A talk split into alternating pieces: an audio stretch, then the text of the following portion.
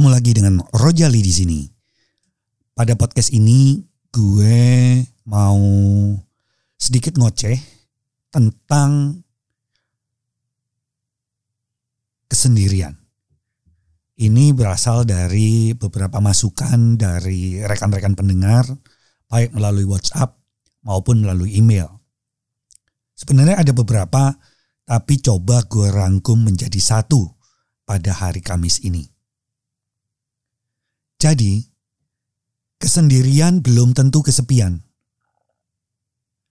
Artinya, walaupun ada orang atau pasangan atau sahabat atau teman yang cukup banyak di sekitarnya, tapi ada perasaan kesepian di mana para teman, sahabat, atau pasangan itu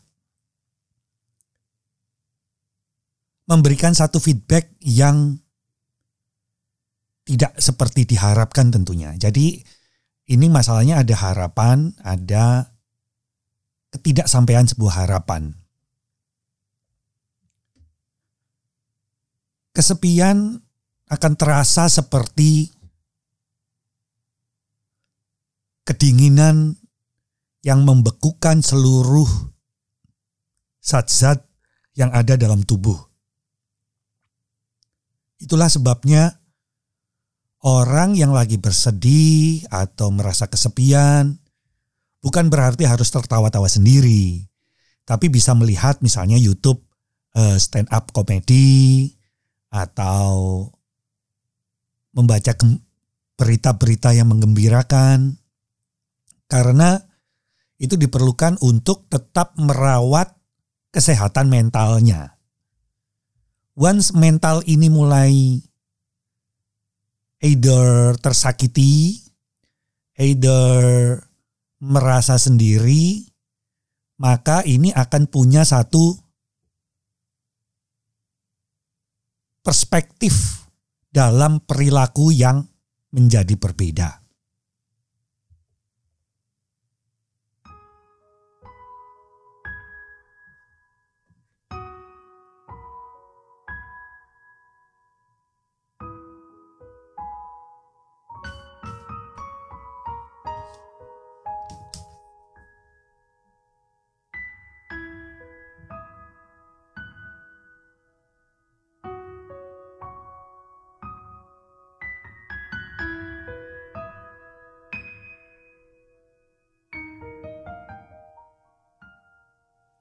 Jadi, ketika teman-teman Rojali merasa kesepian, segera lakukan sebuah aktivitas selama tidak ada teror atau ancaman-ancaman yang menekan sisi psikologis kalian.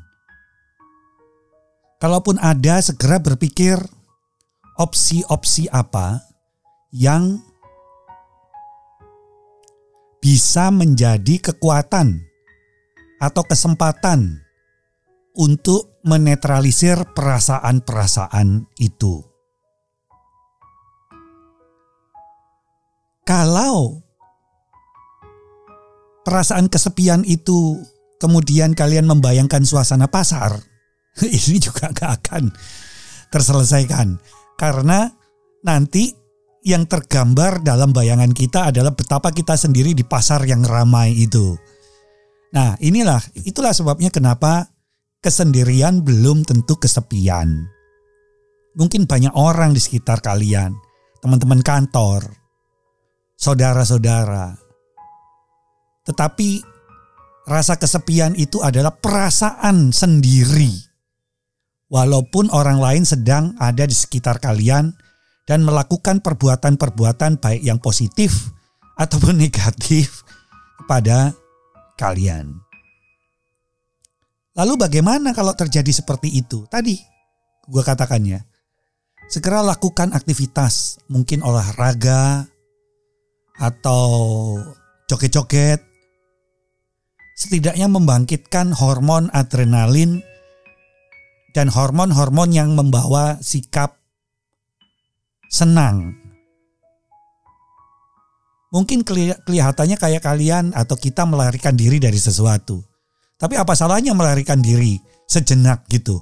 Agar pikiran kita tetap normal, agar kesehatan mental kita juga masih kuat menghadapi dunia yang tidak ramah ini. Pada dasarnya, setiap orang akan sibuk dengan kebutuhannya sendiri kalau kebutuhan sendiri dari orang-orang itu sudah mulai terpenuhi atau cukup terpenuhi, maka dia bisa mengempati kepada orang lain selain bersimpati saja.